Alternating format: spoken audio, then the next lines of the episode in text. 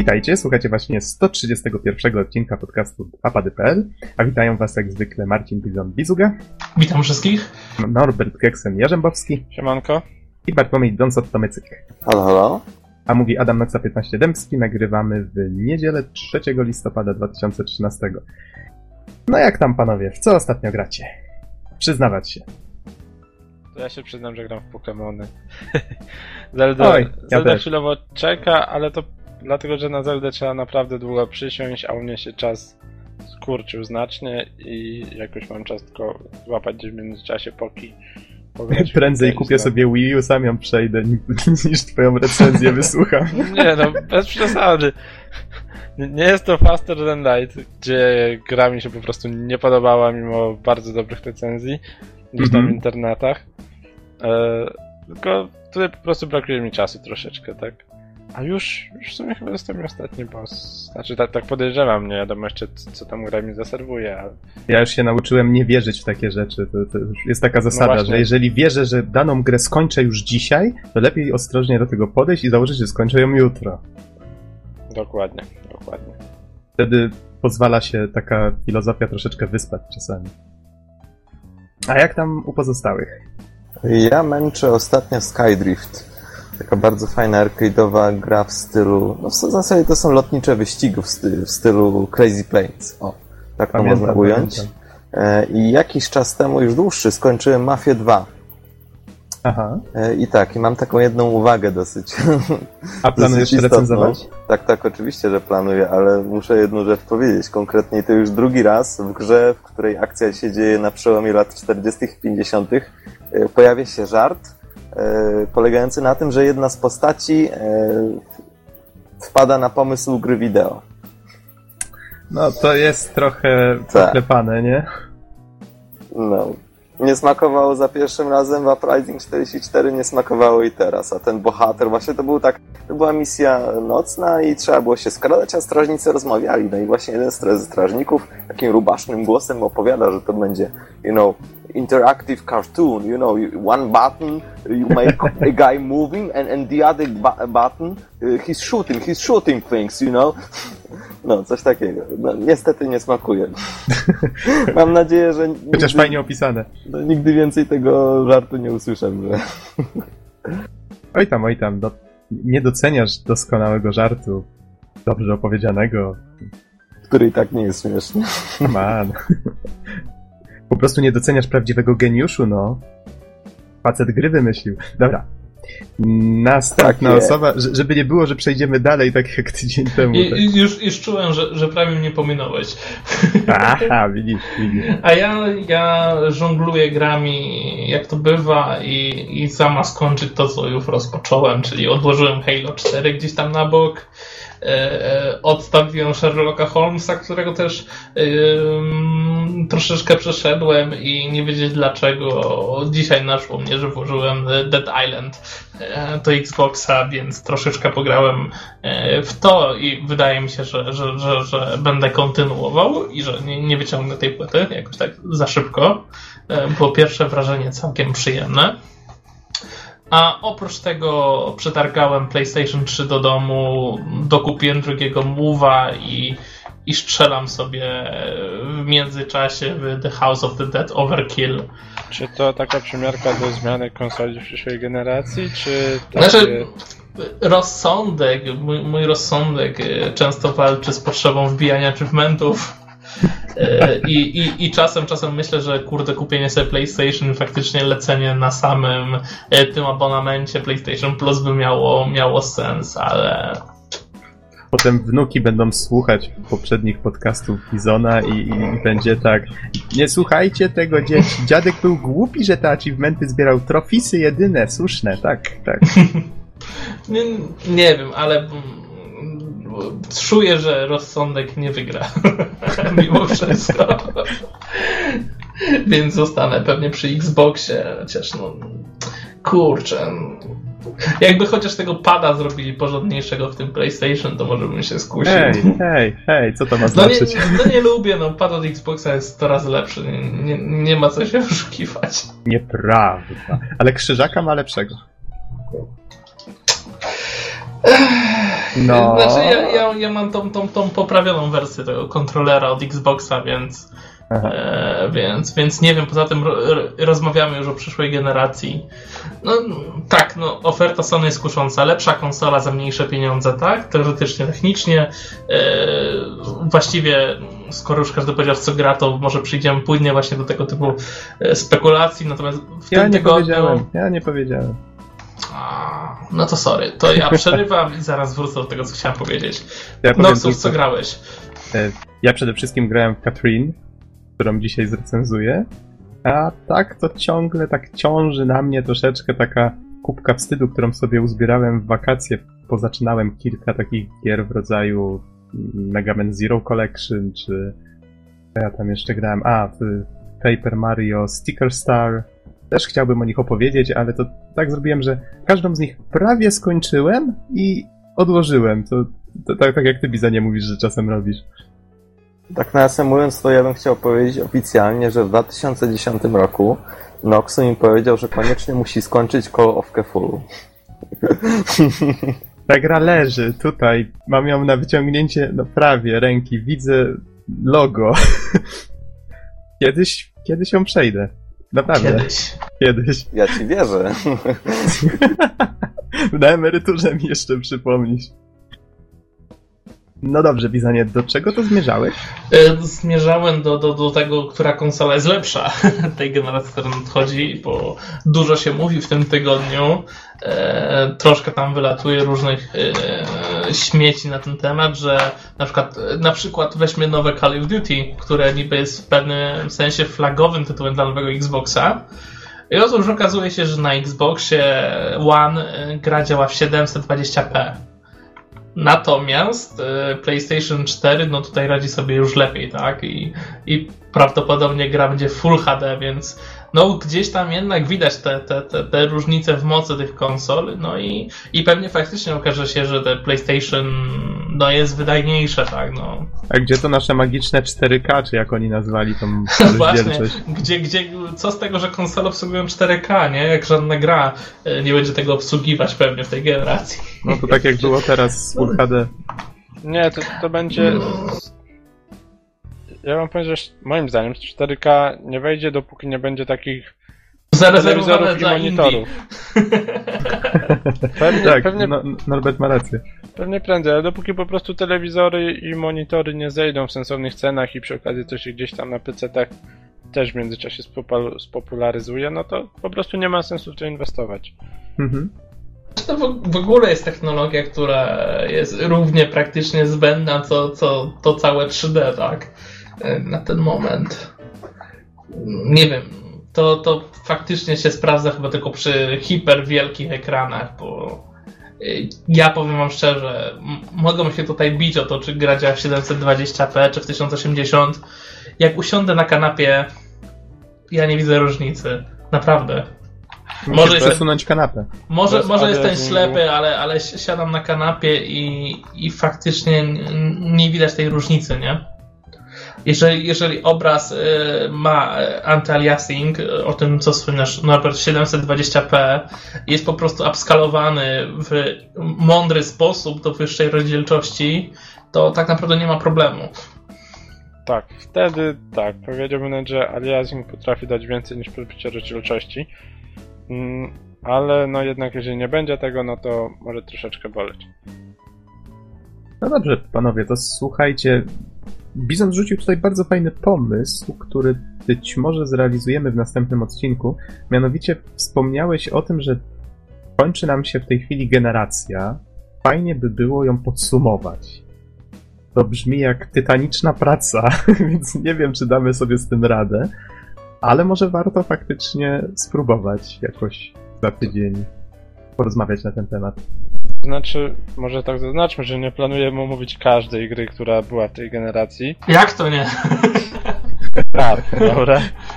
Mm, Nie, to, to, tak uściślając, chodzi nam o to, żeby omówić przede wszystkim to, co się zmieniło i ewentualnie jakieś takie najważniejsze tytuły, które były, nie wiem, albo ważne z jakiegoś powodu, albo no wyjątkowo ciekawe, tak? No na pewno coś się... pominiemy też, to myślę jest nieuniknione, ale... Nie ma, nie ma mowy, żebyśmy nie pominęli, ale moim zdaniem, już wcześniej troszkę zaznaczałem kilka punktów, takich jak aspekt sieciowy, ruch, inne tego typu rzeczy, to zupełnie się odmieniły przez to kilka i kilka lat. W praktyce odcinek 10 tysięcy godzin, nie? I tak, pozycja 3001, gra o takim, takim tytule. O, w końcu Dark Souls. Nie, przypomnijmy recenzję. Dobra, panowie, przejdźmy do newsów, chociaż dzisiaj mamy ich bardzo malutko. Właściwie to ciężko je nawet nazwać newsami, no może jeden albo dwa. Twórcy Wiedźmina Trójki potwierdzili, że podobnie jak w przypadku dwójki, chociaż to nie było takie jasne na początku, bo pamiętam, że dwójka miała DRM początkowo, potem się procesowali z wydawcą i ostatecznie chyba wyszło na to, że gra nie miała tego DRM-u, czy jakoś tak już szczegółów nie pamiętam tak na dobrą sprawę. W tej chwili już CD Projekt jasno powiedział, że gra będzie nie miała DRM-u w takiej zwykłej edycji pudełkowej, ani na Gogu, no to tak, tak, jasne. Y, na Steamie oczywiście sam Steam będzie DRM-em, ale tam, gdzie CD Projekt ma na to wpływ, tam tego DRM-u nie będzie. I chociaż nie jest jakimś wielkim zaskoczeniem, to chciałem się was zapytać, bo w tej chwili CD Projekt bardzo bardzo podkreśla właśnie ten brak tego DRM-u. Zamieszcza filmiki, zamieszcza jakiś list otwarty dla graczy.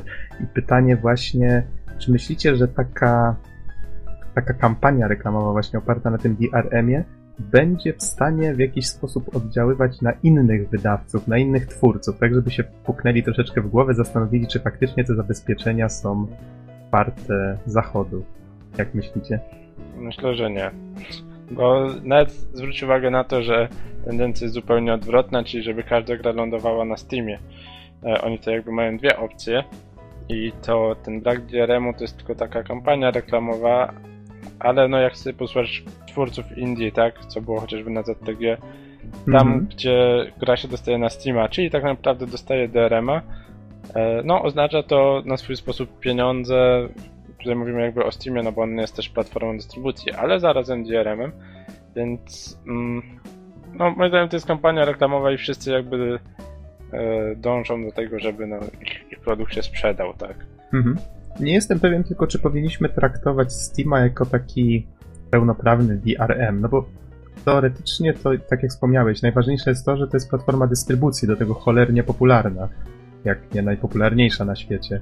Ale zarazem jest DRM-em i jakby wiesz, w większości wypadków to, że no, że ona się dostaje na, na coś, co jest jakby sprzeczne swojego rodzaju z ideą wolnego, tak, takiego oprogramowania bez DRM-ów, no sprawia, że to jest takie, no, że, że, jednak pieniądze górują, no tak to ujmę, o.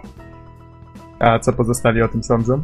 Ja myślę, że w zasadzie należałoby sobie zadać pytanie, czy CD Projekt jest na tyle duży i na tyle wpływowy, żeby ktoś mógł zwrócić na to większą uwagę, żeby w branży zaczęło się liczyć nagle, że wow, wow, CD Projekt, nie szalejcie tak, nie? Bo zaraz wszyscy będą robić tak samo. Także... Oj, myślę, że myślę, że już powoli, powoli, ale dążą w tym kierunku. Znaczy, no na pewno dzięki Wiedźminowi się stali popularni i, i rozpoznawalni, natomiast myślę, że raczej nie. Myślę, że, że jednak mimo wszystko idzie w kierunku zadrm-owania. Ale oczywiście te czasy będą sprzyjać tego typu akcjom, które myślę, że też mogą się w przyszłości powtarzać nawet na większą skalę. Czyli myślisz, że mniejsi, mniejsi producenci, mniejsi, wydaw mniejsi wydawcy mogą też używać tego jako taki marketingowy przekaz. Mhm, tylko też do ilu odbiorców to trafi, bo tak naprawdę ja, jeśli mam do wyboru e, kupić grę u dewelopera, który bezpośrednio od niego i, i mając tam jakiś swój klucz tylko u niego, na jego serwerach, a, a do wyboru między tym, że mam też e, serwery Steama, to wybieram serwery Steama, dlatego że ja osobiście wolę mieć wirtualną kolekcję jednym miejscu, po prostu, mieć to wszystko mhm. uporządkowane i myślę, że wielu graczy tak sądzi. Sam się złapałem na tym, że nie, że Gexen mówi mi o jakimś nowym bundlu, a ja pytam, czy na Steama. To jest moje pierwsze pytanie, czy grę na Steama, więc no jednak mimo wszystko jest to poważny y, argument. Mhm. I tu chyba można zrobić bardzo płynne przejście, jeżeli nie macie nic do dodania. No, proszę bardzo. Y, a propos Humble Indie Bundle. Otóż, a jest jakiś nowy? Otóż y, jest jak co tydzień oczywiście, ale mm, bardziej chodzi o inną sytuację i o pewną zmianę, która została wprowadzona. Otóż od przyszłego, od przyszłej edycji nie będziemy dostawać kluczy na Steam. E, zaraz, Ty- zaraz, zaraz. Jak to? Tylko będziemy musieli się zalogować na swoje konto Steam i od razu gry zostaną do niego przypisane. E, Zmiana powstała dlatego, że jak się okazuje, istnieje grono cwaniaczków, którzy po prostu kupują te klucze masowo, a następnie sprzedają je za prawdziwe pieniądze. No i, i generalnie ktoś się zdenerwował i, i wprowadzają właśnie taką zmianę, że, że gry oczywiście będą trafiać na Steama, tylko właśnie w ten sposób, jak powiedziałem, będziesz musiał się zalogować na swoje konto e, Steam e, podczas transakcji. To jest Co myślicie bardzo, o takiej zmianie? to jest bardzo dobra rzecz. Dlatego, że za każdym razem, kiedy pojawi się jakiś ciekawy bundle, to na Allegro jest wysyp aukcji.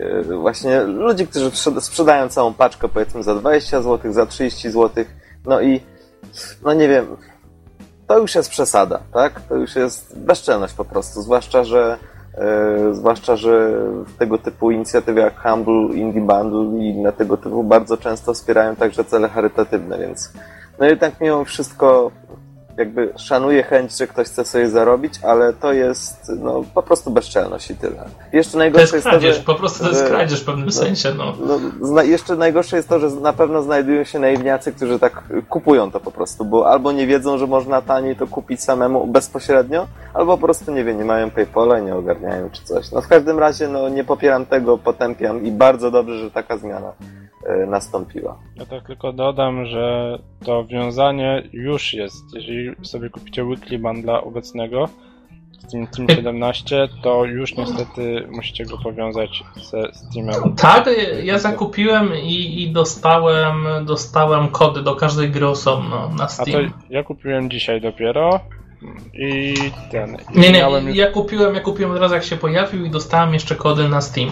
A to, u mnie Dlatego, już, dlatego myślałem, że to będzie od kolejnej edycji. a to u mnie już pod guzikiem e, Redeem on Steam wyskakuje mi musisz podłączyć się do Steama.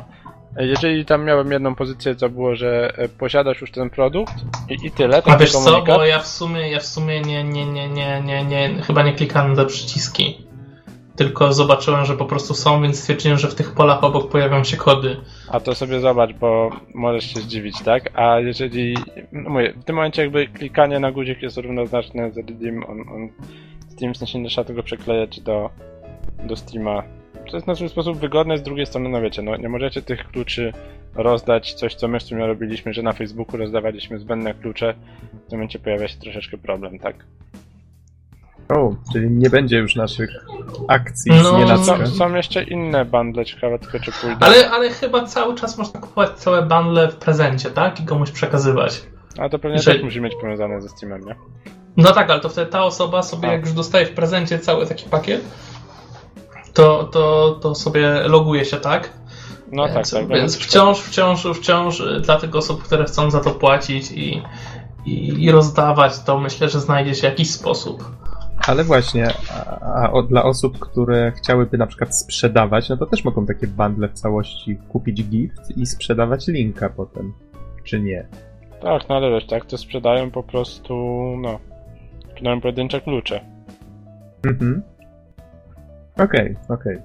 No w każdym razie, tak jak mówicie, zmiana faktycznie ma sens, tylko trochę tutaj się zaniepokoiłem faktycznie, że Mi nie będziemy mogli robić naszych... nie podoba, akcji. no bo, bo ja nie sprzedawałem tych gier, gdzieś tam wydawałem, czy to znajomym, czy, czy, czy na Facebooku, w tym Aha. momencie nie będę mógł tego robić. No i to jest kiepskie po prostu dla mnie, tak. No jest kiepskie, ale z drugiej strony powiem ci szczerze, że jest zrozumiałe. No, jak zawsze, ci ludzie, którzy, wiesz, zachowują się porządnie, no, obrywają za, no, za, za te jednostki, które jednak nie potrafią, wiesz, ogarnąć podstawy, tak, na czym to wszystko polega. No, taka jest prawda. Znaczy, nie potrafią ogarnąć, znaczy ogarniają na tyle, że sobie cwaniacko dorabiają, tak?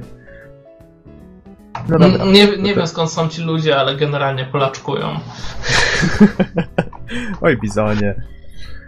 Tutaj. No, co, co No właśnie, a jak już jesteśmy Ten- po ten Humble Bundle, to... psuje pojęcie polskości, nie? Jak już jesteśmy, to faktycznie ten, ten, ten tego, tego tygodniowy bundle jest naprawdę ciekawy, interesujący i myślę, że każdy powinien go zakupić. Norbert, chcesz powiedzieć, co jest w zestawie w tym Wormsy, tygodniu? Dużo Wormsów, przynajmniej za dolara, bo to, tamtym wyższym jest też Alien Beat, cała trylogia. E, A w tym podstawowym dużo Wormsów nie ma teraz przed sobą otwartej strony, ale z tego co pamiętam Worms Pinball, Worms Armageddon, ten taki najbardziej kultowy. A do e, tego wszystkiego jest e, Super Frog HT, który chyba wyszedł 2 czy 3 miesiące temu, jeżeli dobrze pamiętam. No ja właśnie tak. mam tą stronę przed oczyma i faktycznie jest Armageddon, Worms Blast, Worms Ultimate Mayhem, Worms Pinball, Worms Crazy Golf, Super Frog HD. A, a to jest w sumie dobry zestaw, no bo Armageddon takie najbardziej kultowe 2D, Ultimate Mayhem to jest chyba któraś z kolei odsłona tych 3D. Pamiętam, że pierwsze 3D były bardzo krytykowane za sterowanie i tak dalej, więc mam nadzieję, Mhm. że w tej nowszej jest to poprawione. No i ogólnie, no kilka, wiecie, no, no takich solidnych Znaczy, to, to, to, to jest generalnie paczka, której nie wypada nie kupić. No. Jeżeli ktoś Ty grał w Wormsy, a jeżeli nie grał, to, to w sumie też, no. Z, za Tak, 6 się dolców jeszcze można mieć Alien Breed, całą trylogię i Worms Revolution Gold. Tylko jeżeli chodzi o Alien Breed, to przeszedłem dwójkę i powiem wam szczerze, że nie polecam szczególnie chyba. No, ja też, ja też mam na Xboxie i, i powiem szczerze, że, że szybko się zniechęciłem, więc. Gra jest to- mocno nijaka. Może Gra tak jest ujmę. nijaka, gra jest y, troszkę z nierównym poziomem trudności. Y, Mnie nie przekonała do siebie, no ale Wormsy, no to się zagrywałem w Armagedona w szczególności, no setki godzin w dzieciństwie. To prawda. Z kontrolami przede wszystkim. Ninja robaki z linami były for the win. Ten to- wygląda kapitalnie na trailerze. Cała mechanika jakby z tego Armagedon jest po prostu przeniesiona do golfa. Fajnie to wygląda. Dobrze, to wrzucę w takim razie linka do Humble Bundla pod podcast. Mamy tutaj jeszcze właściwie właściwie jeden news na temat Nintendo Letterbox. To widzę, Norbert, że też dostałeś. No już, już, nie płacz. Będę Też płakał, dostałeś nie? wiadomość. No niestety Nintendo włączyło Letterboxa w tym sensie, że nie można już przesyłać wiadomości przez internet. Można dalej wysyłać je sobie poprzez Street Passa, ale przez Spotpassa poprzez internet już nie. E, A wielka szkoda, no bo to było tak naprawdę chyba najfajniejsze w tym e, całym na tym Letterboxie, gdzie tak dla tych, którzy nie wiedzą, to była taka usługa, gdzie mogliśmy sobie coś narysować e, dodatkowo nagrać krótką wiadomość, taką tekstową do 5 sekund, załączyć obrazek i to wysłać naszemu znajomemu. Tak, taki całkiem spory list w sumie można było z tego zrobić. Mm, On to mógł sobie odebrać i to jeszcze było tak fajnie rysowane jeden do jeden. W takiej kolejności, w jakiej my tam coś pisaliśmy, to, to się na żywo pisało u niego na ekranie. Mm, No i cieszyło się to dość sporą popularnością. Niestety Nintendo wyłączyło tą usługę, ponieważ mm, po prostu wysyłano dużo obraźliwej treści, szczególnie e, jakby Nintendo jest wrażliwy na tych młodych odbiorców, na, na tych niepełnoletnich, a no ludzie krótko mówiąc rysowali kutacje i wysyłali to w świat do wszystkich po kolei. Czy na pewno chodziło tylko o to? Bo mam wrażenie, że ostatnio do Letterboxa dodano możliwość wklejania teł. I wśród tych teł można było zamieszczać na przykład zdjęcia. Może tu chodziło o coś więcej niż tylko rysowanie, no, wiecie, genitaliów. No, chodziło o zdjęcia genitaliów, tak? Wiesz, no, Bóg no, jeden wie. Mo- możesz naprawdę na sporo rzeczy zrobić, tak, chorych, jeżeli jesteś chory. No, normalna osoba ma pewien taki umiar, tak?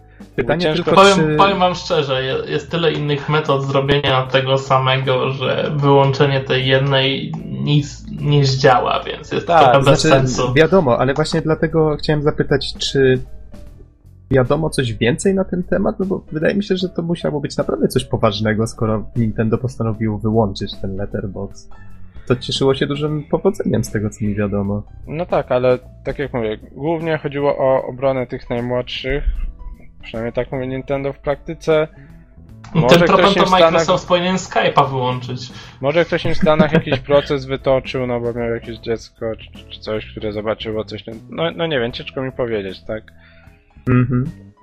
Ale- Wiecie co, to jest kolejny, trochę zataczamy koło dzisiaj. Tematycznie jest monotematycznie w zasadzie, dlatego że znowu porządni y, obrywają za tych, którzy ogarniają źle.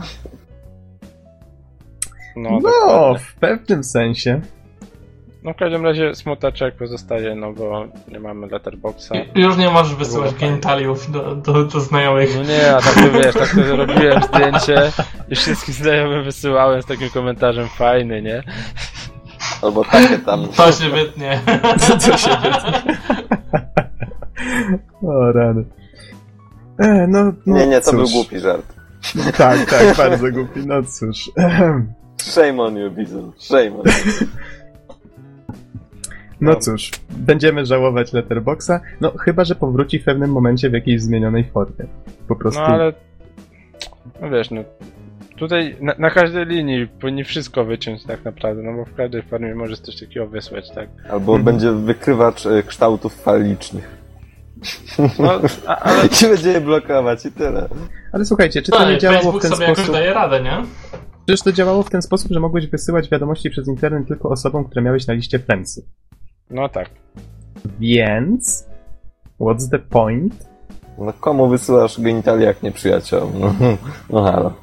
No, znaczy, ciężko mi to już jakby. Oficjalny powód jest taki, że po prostu wysyłali nieodpowiednie treści do osób niepełnoletnich często. No masz różne kategorie wiekowe, wiesz, pewnie były i No tak, ja- nastolatki, ja to i, i rozumiem. jakieś pięciolatki, no i sobie się spotkali, dodali się do znajomych, nie później ktoś, wiesz, coś źle wysłał. Może ktoś wykorzystywał to do rozsyłania spamu. Nie wiem, znaczy wydaje mi się po prostu, że ten Może- oficjalny powód jest jakiś. Kup nowy jogurt. Ten oficjalny powód jest jakiś taki troszeczkę naciągany, no ale. mm, Wiecie, no Nintendo wszystkiego nam nie powie pewnie, no. Na pewno mają jakiś powód, żeby to zrobić. To raczej nie ulega wątpliwości. Oni są strasznie wrażliwi na punkcie właśnie tej swojej polityki e, prorodzinnej, prawda? Tak, tak. No i podejrzewam, że właśnie ta polityka prorodzinna była powodem. Ale może zostawmy temat, bo to. Wiecie, no ja tutaj nie jestem przedstawicielem Nintendo, żeby odpowiedzieć wam w 100% o co chodziło, tak? No tak. I jeszcze na koniec już kończąc newsy tutaj myślę, że możemy poinformować o bizoniastej wyprzedaży. To taki news w sumie mocno prywatny. Bizon sprzedaje swoją kolekcję gier Xboxowych. Bizonie, seriously? Naprawdę No. na Sony się przerzucasz? Nie, nie chodzi o to po prostu. To jest wszystko związane z końcem faktycznie tej generacji e, konsol i jakoś tak zabrało mnie na przemyślenia i stwierdziłem, że jak to wszystko ma leżeć przez kolejne lata na półce i szansa, że zagram w cokolwiek wynosi okrągłe zero, e, to to stwierdziłem, że może ktoś sobie jeszcze pogra w te tytuły. Naprawdę wystawiłem prawie 50 gier w cenach od około 20 do 40 zł. Y, Jest w czym przebierać. Jeżeli ktoś jest zainteresowany, to zapraszam na moje konto na gametrade.pl. Link zamieścimy oczywiście mm, pod podcastem. Hmm. Bawcie się dobrze. Bawcie się dobrze. Chętnie, chętnie wszystko wam sprzedam. Ja to się, Jest w czym przebierać, to fakt. ja to się tylko boję, że kiedyś będzie ci to boleć tak jak ja sprzedałem swoją kolekcję gier Pegasusowych i do dzisiaj nie mogę sobie odżałować, tak? No bo jak sobie wyobrażam, że teraz bym poszedł na rynek, kupił jakiegoś Pegasusa i mógł grać dalej w te gry, to... No niestety. Ale Mhm. masz to na 3DS-ie. Chociaż to nie to samo, No ale... nie, nie, to, to nie jest ten sam feeling, tak, i, i to wiesz, to są po prostu wspomnienia, tak, ale może, wiecie, na Pegasusie się grało mając 5 lat i to są takie troszkę inne też wspomnienia niż, niż taka gra, na jakich teraz jest dużo. No dobrze, i Ale w ramach jeszcze. A, ro- rozumiem cię, Norbert, akurat. Jeżeli chodzi o Pegasusa, to ja całe szczęście swoich gier nie sprzedałem, jeszcze w szafie leżą. To ty tam dużo ich nie masz z tego co widziałem. Oj tam, oj tam, bez przesady. No, i, ja, Ja- nie jestem raczej osobą, która po prostu wróci do jakichś tytułów. Znam siebie, więc Mhm. nie, jeszcze- nie, nie będę płakał. Don, odpowiadając ci na to, co powiedziałeś, bo ja większość gier pożyczałem. Była taka wypożyczalnia kaset wideo niedaleko mojego domu i oni tam wypożyczali też właśnie kartridże do, do Pegasusa.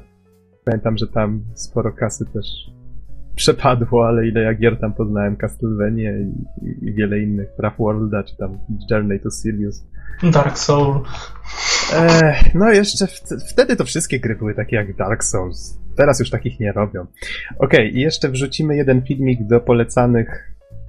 Kurczę, co my z tym Call of Duty tak ostatnio? Nie wiem, ale ukazała się reklama nowa Call of Duty Ghosts. Yy, Znowu aktorska, to chyba już taka tradycja. W przypadku tej serii. No w tym przypadku taka troszeczkę z jajem, że tak to ujmę. No, Czterech jest, graczy. ka- do, w każdej grze, e, do każdej gry z tej serii jest reklama w stylu e, There is a soldier in, one, in every one of us. Tak, zgadza I się. właśnie w każdej z serii tych reklam e, gracze, no nie, nie wiem, jakiś kucharz, sprzedawca w sklepie, jakiś tam z każdych profesji ludzie po prostu nagle chwytają za karabin i no, No prawda, ze że sobą. Megan Fox gra w tej reklamie? Tak, zgadza się. Ma tu, nie wiem, 5 sekund, 10? Ale Tak. wszyscy tam mają tyle sekund, więc... E, a nie wiem czy to prawda, ale podobno w tej nowej odsłonie można grać kobietą. Tak, Nie podobno w składzie jest kobieta I, jest jakieś, są podobno jakieś sceny seksu, ale to też jest nie- niepotwierdzone jakby z mojej strony, tak gdzieś coś Seriously? czytałem. Seriously? No, zamawiamy. ale wiecie co, ja myślę, że to jest strasznie konsekwentne, no bo tak, eksplozje zawiodły, makabryczne sceny zawiodły, no to stały cycki, tak? A to o tym jeszcze dzisiaj będziemy dużo rozmawiać w sumie. Jak przejdziemy do recenzji Katrin. Ale okej. O, E, w reklamie jest też pies, nie zapominajcie. Hmm. O Chryste. No, konsekwencja musi być, nie? Pies jest najważniejszą częścią tej gry przecież. Jak to tak można o psie zapomnieć? Tarik do nogi, nie? No dobrze, panowie, przejdźmy w takim razie do tematów głównych. A mamy dzisiaj w sumie trzy recki, o czym nie wspomniałem wcześniej. Najpierw Bizon opowie o dwóch grach, z czego jedna to jest jakaś taka malutka gierka, o której wcześniej, chyba malutka, o której wcześniej nie słyszałem, A World of Catlinks, tak? Mhm. A potem I zrecenzujesz jakby, jakby recenzja tej gry nie, nie jest przypadkowa. Aha, a potem bo, recenzujesz bo... nam jeszcze Call of Juarez Gunslinger i to już słyszałem, Tak. że gierka jest super. Jasne, jasne. Dobra, to, to, to co chciałem powiedzieć. Jakby recenzja tej gry nie jest przypadkowa i to będzie w ogóle mini recenzja, bo to, to jest tytuł, który otrzymaliśmy e, pierwszego e, od, e, od Microsoftu w ramach programu Games with Gold. Więc jest to darmówka, jest to tytuł z Xbox Live Arcade, który ukazał się pewnie już jakiś milion lat temu, bo z tego co kojarzę, to, to ten tytuł wywodzi się z czasów, kiedy do, do, do, do systemu Xboxa zostały wprowadzone awatary y, nasze, ludziki. I właśnie o to, że w tej grze właśnie gramy swoim awatarem, czyli na przykład mną, Bizonem. O, można grać Bizonem. E, tak, tak. Ja grałem sobą, czyli Bizonem. E, Tak ciężko mi Tytuł- sprecyzować, co to za gra jest właściwie, bo patrzę na Właśnie. screeny, Wiesz takie to kolorowe. To, to jest jedna z najspokojniejszych gier, w jakiej grałem. Tutaj, że tak powiem, poziom trudności nie istnieje, gdyż ponieważ e, no, nic nie jest w stanie nam przeszkodzić w graniu. Jest to taka totalna sielanka. E, Stajemy się jakby Gulliverem w wiosce keflingów tytułowych. To są takie słodkie ludziki, e, którym trzeba generalnie pomóc w budowie wioski.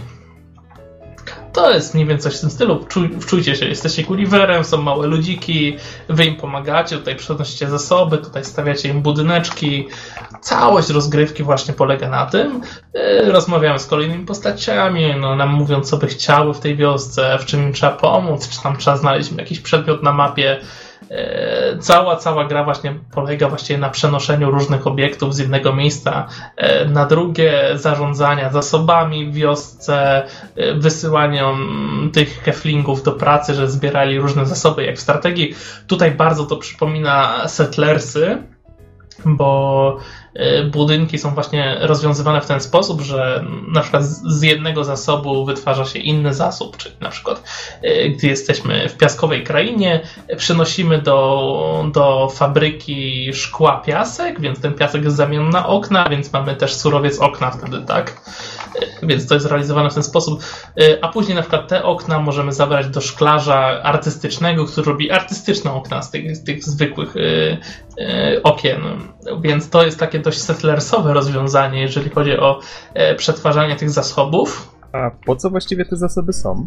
Te zasoby są po to, żeby budować moduły, z których tych modułów buduje się budynki właśnie. Mamy, mamy zestaw blueprintów, e, czyli schematów, budynków i odpowiednie ułożenie klocków, które da się produkować w różnych budynkach. Oczywiście do różnych klocków są potrzebne różne budynki i różne zasoby, tak? Co, co z czasem troszkę komplikuje sprawę, chociaż cały czas jest to bardzo proste. Yy, I odpowiednie ułożenie tych klocków sprawia, że powstaje jakiś nowy budynek. O! Generalnie gra polega na tym, jest bardzo przyjemna. Nie powiem, że krótka, bo jednak troszkę mozolnie się w to gra w pewnym momencie, bo tutaj muszę przejść do pewnego minusu. Mówię o tym zarządzaniu zasobami. Yy, tych zasobów jest dużo, jest różnych. Yy, są kryształy, są na przykład przetworzone kryształy, wiecie, jest drewno, są deski zrobione z tego drewna, z tych yy, desek są jeszcze robione jakieś szlifowane rodzaje drewna. Tych różnych zasobów jest bardzo dużo i tutaj powstaje największy problem w tej grze, bo budynki między sobą nie dzielą zasobów. Rozumiecie, nie ma tak jak w Settlersach, czy tam gdzieś e, paska na górze ekranu, gdzie mam pokazane, że mamy tyle drewna, tyle kamienia i tyle czegoś tam. Nie, nie. Każdy budynek w sobie magazynuje swoje zasoby. I nie można Więc, ich wykorzystać nigdzie indziej, tak? Więc A nie ma, nie ma wspólnego magazynu? Nie ma wspólnego magazynu, więc większość czasu w grze zajmuje nam to, że przychodzimy do jakiegoś budynku, gdzie na przykład mamy zebrane dużo drewna, wybieramy sobie opcję, żeby oni nam wypakowali jakąś ilość tego drewna, a że możemy przenosić jakąś ograniczoną ilość tego drewna na raz, to zasuwamy kilkanaście razy pomiędzy budynkami, żeby przenieść zasoby z jednego budynku do drugiego, że w tym drugim budynku można było coś wybudować. Rozumiecie? To mi brzmi jak na siłę przedłużanie rozgrywki i strasznie tak. upierdliwe rzeczy. Jest to strasznie upierdliwe i powiem wam, że gra by była dużo przyjemniejsza właśnie gdyby y, te produkowane zasoby trafiały jakby do takiego ogólnego magazynu i nie trzeba by było myśleć o tym, y, w którym budynku się one znajdują, tak? Bo tak to, wiesz, nie wiesz tutaj, o, brakuje mi drewna w tym budynku i teraz w którym budynku ja mam dużo drewna, gdzie te flingi mi zanoszą drewno, nie? Więc patrzysz, gdzie one noszą to drewno, wchodzisz i w tym budynku powiedzmy masz e, tysiąc ileś sztuk drewna, nie? Odłożone, a potrzebujesz w innym dosłownie dziesięciu sztuk, żeby coś zbudować, nie? No ale musisz wziąć, jakby wypłacić to drewno, wziąć i je przenieść nie, do innego budynku, żeby móc coś tam zrobić. I to jest, to jest naprawdę upierdliwe i tak naprawdę niepotrzebne w tej całej grze. Wiecie co? To jest coś w stylu Trains Railroad y, Simulator 2004 wśród settlersów. Coś takiego, wśród gier strategicznych. tak mi to brzmi. No bo tak to samo budowanie wioski jest y, fajne. Tak, wyjaśniając to bardzo upierdliwe w sensie. Keflingi są przyjazne, jakby to pomaganie im nie jest jakieś tam upierdliwe. I, i no i mówię, całość by była całkiem sympatyczna, gdyby nie, nie nie to właśnie, i to widać, że to jest chyba na siłę właśnie przedłużenie tej rozgrywki, bo e, gdyby nie przenoszenie tych zasobów, to pewnie grę dałoby się przejść, wiecie, w, w 2-3 godziny, nie? A to tak, tak się samo, przechodzi ją w 30. A tak to przechodzi się w 8 godzin, nie? Wow. 8 wow. godzin, więc, więc chwilę to zajmuje. Tak samo z budowaniem tych budynków, nie? Bo, bo są, tak jak mówię, budynki stawia się z modułów. I teraz nagle mamy jakiś większy budynek, który na przykład składa się z 10 modułów, z czego te moduły pochodzą z trzech różnych budynków, więc najpierw wiecie, upewniacie się, że w każdym z tych budynków macie zasoby do zbudowania tych modułów. Później zamawiacie w tych wszystkich budynkach te moduły a później znosicie te wszystkie moduły w jedno miejsce, żeby postawić ten budynek. No na szczęście, na szczęście, na szczęście mamy takich pomagierów. E, później e, z czasem gry zdobywamy ich coraz więcej, aż do pięciu, którzy w pewnym momencie zaczynają nam te zamawiane moduły przynosić w miejsce, gdzie stoimy. Więc możemy stać w miejscu i czekać, aż oni nam doniosą zamówione części do budowy budynków w miejsce, nie? w którym stoimy. Ale tak naprawdę powiem Wam szczerze, że dużo lepiej by było tak, że, że po prostu postawienie jakiegoś budynku wymaga tyle i tyle surowców. I wiecie, już bez tego noszenia tego, no bo tak naprawdę, gdzie, gdzie przyjemność w noszeniu tych modułów, tak? Do budowy budynków. No nie no, lepiej było mieć zasoby i po prostu kliknąć postaw ten budynek i skoncentrować tak naprawdę rozgrywkę w grze na, na troszkę bardziej rozbudowanym rozbudowywaniu tej całej wioski niż, niż na tym, żeby poświęcać tyle czasu na, na takie głupie rzeczy. Czyli warto tę grę zagrać w ogóle? Bo tak Aż to tak, Ja się przyjemnie bawiłem, jest to totalny relaks. Fajnie sobie to podzielić na kilka razy, bo, bo może być monotonna, ale z drugiej strony y, gra jest, y, no, tak jak jeszcze raz wspomnę, po prostu typowo relaksującą pozycją, tak? Żadnego stresu, nic nas nie goni, A, a czas cel? nas nie goni, nic nas nie atakuje. Y, Ostatecznie celem jest zbudowanie zamku dla króla, bo mm, przez cały czas rozmawiamy z królem bez zamku, on tak się nazywa. Król bez zamku. Ła, Król, więc ostatecznie dążymy do tego, żeby postawić ten zamek, tak? Ale to musimy przejść przez całą chmarę różnych blueprintów, bo budując kolejne budynki, odblokowują nam się, wiecie, kolejne, tak? Y, Więc, więc, więc generalnie tak postępuje schemat. To, Oprócz, to trochę na y, zasadzie hej Gulliver, jesteś taki wielki, wybuduj nam autostrady, tak? Tak, tak, tak. No, mówię, no, gra jest przyjemna, jest darmowa, tak? Przez, przez najbliższe dwa tygodnie, więc y, to jest chyba największa rekomendacja dla tej pozycji w tym momencie. Po prostu można ją pobrać, sprawdzić, jak się nie spodoba, to nie grać dalej, jak się e, spodoba, no to można sobie tam te kilka godzin poklikać, tak? E, Ten. A jeżeli komuś się spodoba aż nadto, to gra oferuje dodatkowo trzy dodatki. Każdy w cenie 15 złotych. To takie? E, gdzie po prostu dostajemy więcej tego samego. O mój Boże. 15 zł za każdy? I więcej noszenia? O. Nie, nie wiem, brzmi to trochę źle. Dobra, e, zostawmy ten, ten kawałek prostej gierki i, i przejdźmy do, do mięsa, które przygotowałem na, Właśnie, ale takie- na takie ten osta- podcast. Ostatnie pytanie, czyli jeżeli ktoś chce się zrelaksować tak po prostu i Znaczy, właściwie to nie ma w co jeżeli, grać, jeżeli tak? masz dosyć gier, które cię stresują, poganiają i ktoś Aha, może cię zabić, Okej. e, to to jest pozycja dla ciebie. Ewentualnie myślę, że nieźle by się sprawdziła dla dzieci. Okej, to brzmi jak dobre podsumowanie. No, to, to mięso, mięso, mięso. Dobra, mięso, mięso, czyli Call of Juarez Gunslinger. To, to jest najnowsza część serii, tak? Tak, zgadza się.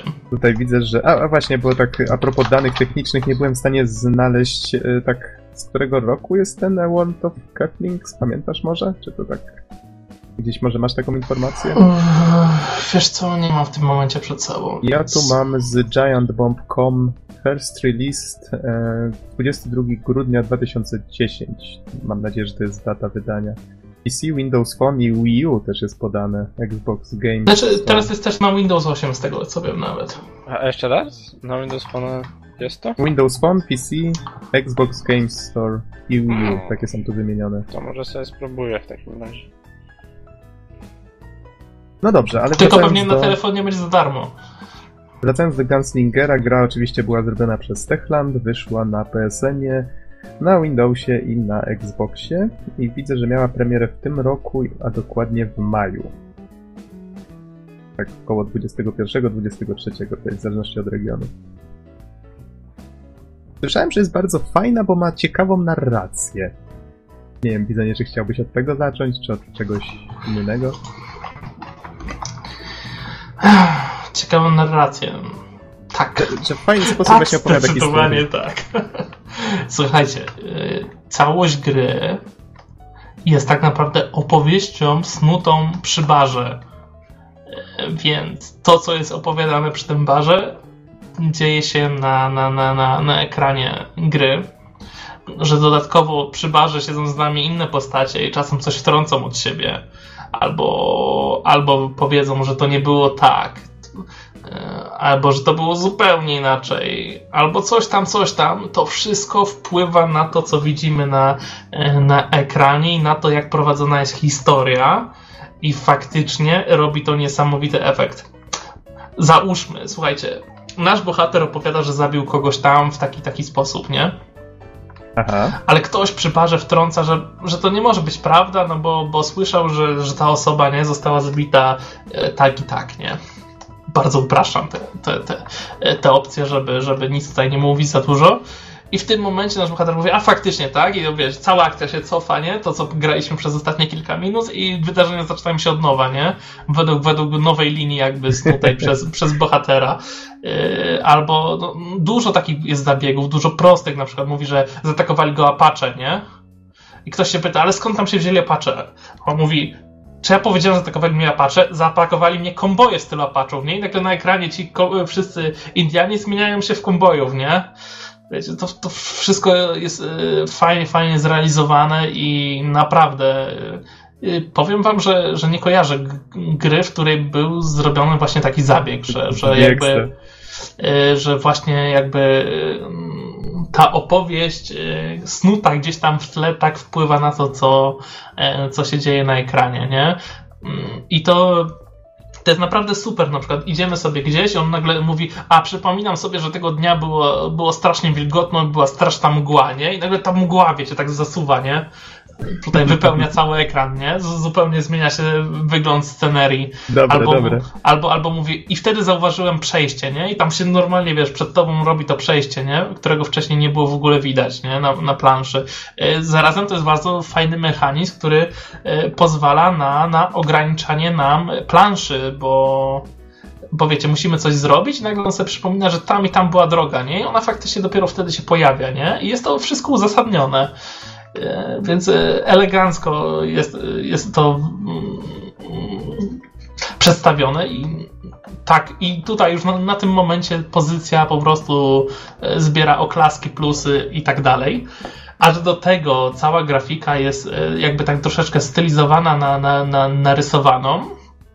Nie bardzo, bo to jest taki trochę miszmasz. Mamy połączenie jakby zwykłych tekstur z takimi delikatnymi outline'ami nie wszystkiego, ale generalnie prezentuje się to bardzo fajnie wizualnie i, i ma swój klimat. Yy, troszeczkę, troszeczkę próbuje się wrysowywać yy, mimo wszystko w komiks. Ale, mhm. ale, ale, gdzie są plusy, są też minusy, bo yy, przez jakby tą stylizację grafiki, a do tego, że ona jest do tego bardzo szczegółowa i ilość obiektów no, bywa czasem przytłaczająca, mamy największy minus gry. Przeciwnicy po prostu giną nam w tym tle, wiecie? E, wiele razy miałem taką sytuację, że nie mogłem za diabła skapnąć się, skąd do mnie strzelają. No po prostu wiecie, wszystko ma takie same outline, nie? E, wszystko jest tych obiektów dużo i gdzieś tam ktoś do ciebie strzela. On ciebie widzi, nie? Bo, bo generalnie tutaj coś jest z tą sztuczną inteligencją, że przeciwnicy potrafią cię widzieć, nieważne gdzie stoisz. I, i, i to bywa troszkę, troszkę irytujące, szczególnie jeżeli zarobimy kulę w łeb i właściwie nie wiemy skąd. Przez outline masz na myśli taki ten obrys komiksowy? Taki obrys komiksowy, tak. Mhm, I żeby tego jakby było mało, jeżeli chodzi o tą widoczność przeciwników, to tutaj jest drugi jakby zarzut mój do tego tytułu, to ilość tych przeciwników. Ja pierdykam, naprawdę, aż takiej ilości. Przecież żaden człowiek by tylu osób nie wystrzelał. Ale to jest tylko opowieść przy barze, Bizonie. No Sam żeś tylko, powiedział. To jest tylko opowieść przy barze, ale powiem ci, że męczy to. Momentami to męczy, jak po prostu idziemy przez jakieś miejsce i wiesz, żeby przetransportować się z punktu A do B, gdzie to jest raptem kilkanaście metrów, musimy wystrzelać z 20 osób, nie? Jest, no jest, jest, jest, jest Ale... to przegięte, tym bardziej, że bohater mści się, wiesz, na, na, na, na osobach, które właśnie są złe i mordowały i mówi, no tak, on zabił w ciągu życia 30 osób, po czym wychodzisz, nie, robisz 10 kroków i zabiłeś 50, nie?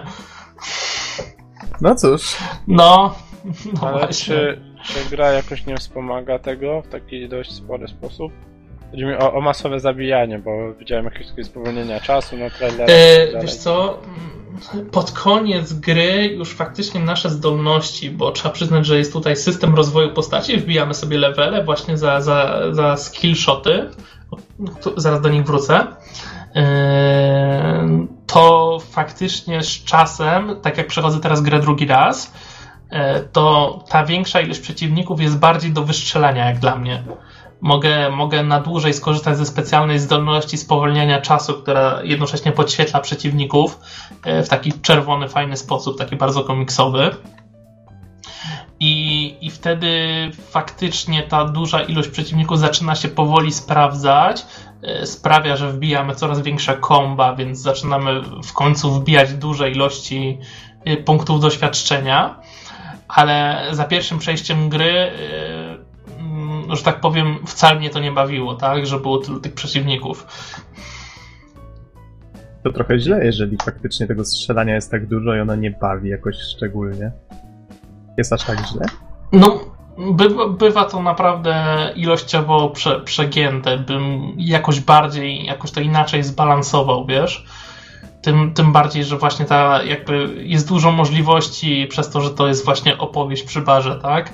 To dałoby się tutaj na pewno wpleść jakieś inne rzeczy niż no niż y, strzelanie do takiej ilości przeciwników. No Mhm. ale tak jak wspomniałem, są, są te skillshoty, ale y, y, o ile w Bulletstormie było to fajnie zrobione i było ich naprawdę dużo, to tutaj jest ich raptem kilka rodzajów, na przykład y, Sokole Oko, kiedy strzelamy z dużej odległości, na wylot, kiedy na przykład przestrzelimy przez jakieś deski kogoś, wiecie, chowa się za jakimiś deskami, ale my trafimy.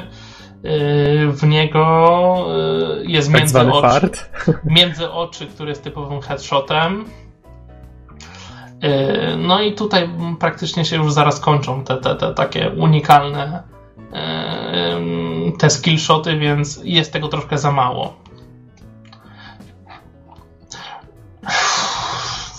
No dobrze, co, co? Muszę, muszę przejść do broni, tak? No bo to e, bronie są typowe dla, dla, dla dzikiego zachodu. Głównie będziemy strzelać ze strzelby, no i oczywiście rewolwerów, których można korzystać z dwóch na raz. Co, co generalnie robi robotę na wszystkie bliższe dystanse. I, no, I jest to chyba najbardziej efektywny sposób e, zabijania przeciwników. A tutaj, Bizonie, przerwę ci na sekundkę, bo powiedziałeś coś bardzo ważnego. Mianowicie sam fakt, że gra dzieje się na Dzikim Zachodzie, bo poprzednia część Call of Juarez, która nazywa się The Cartel, jeżeli dobrze pamiętam, y, miała miejsce w teraźniejszości. I fanom się to nie No tak, spodobało. fak- faktycznie, za- zapomnieliśmy wspomnieć do tego, że to jest typowy western, tak?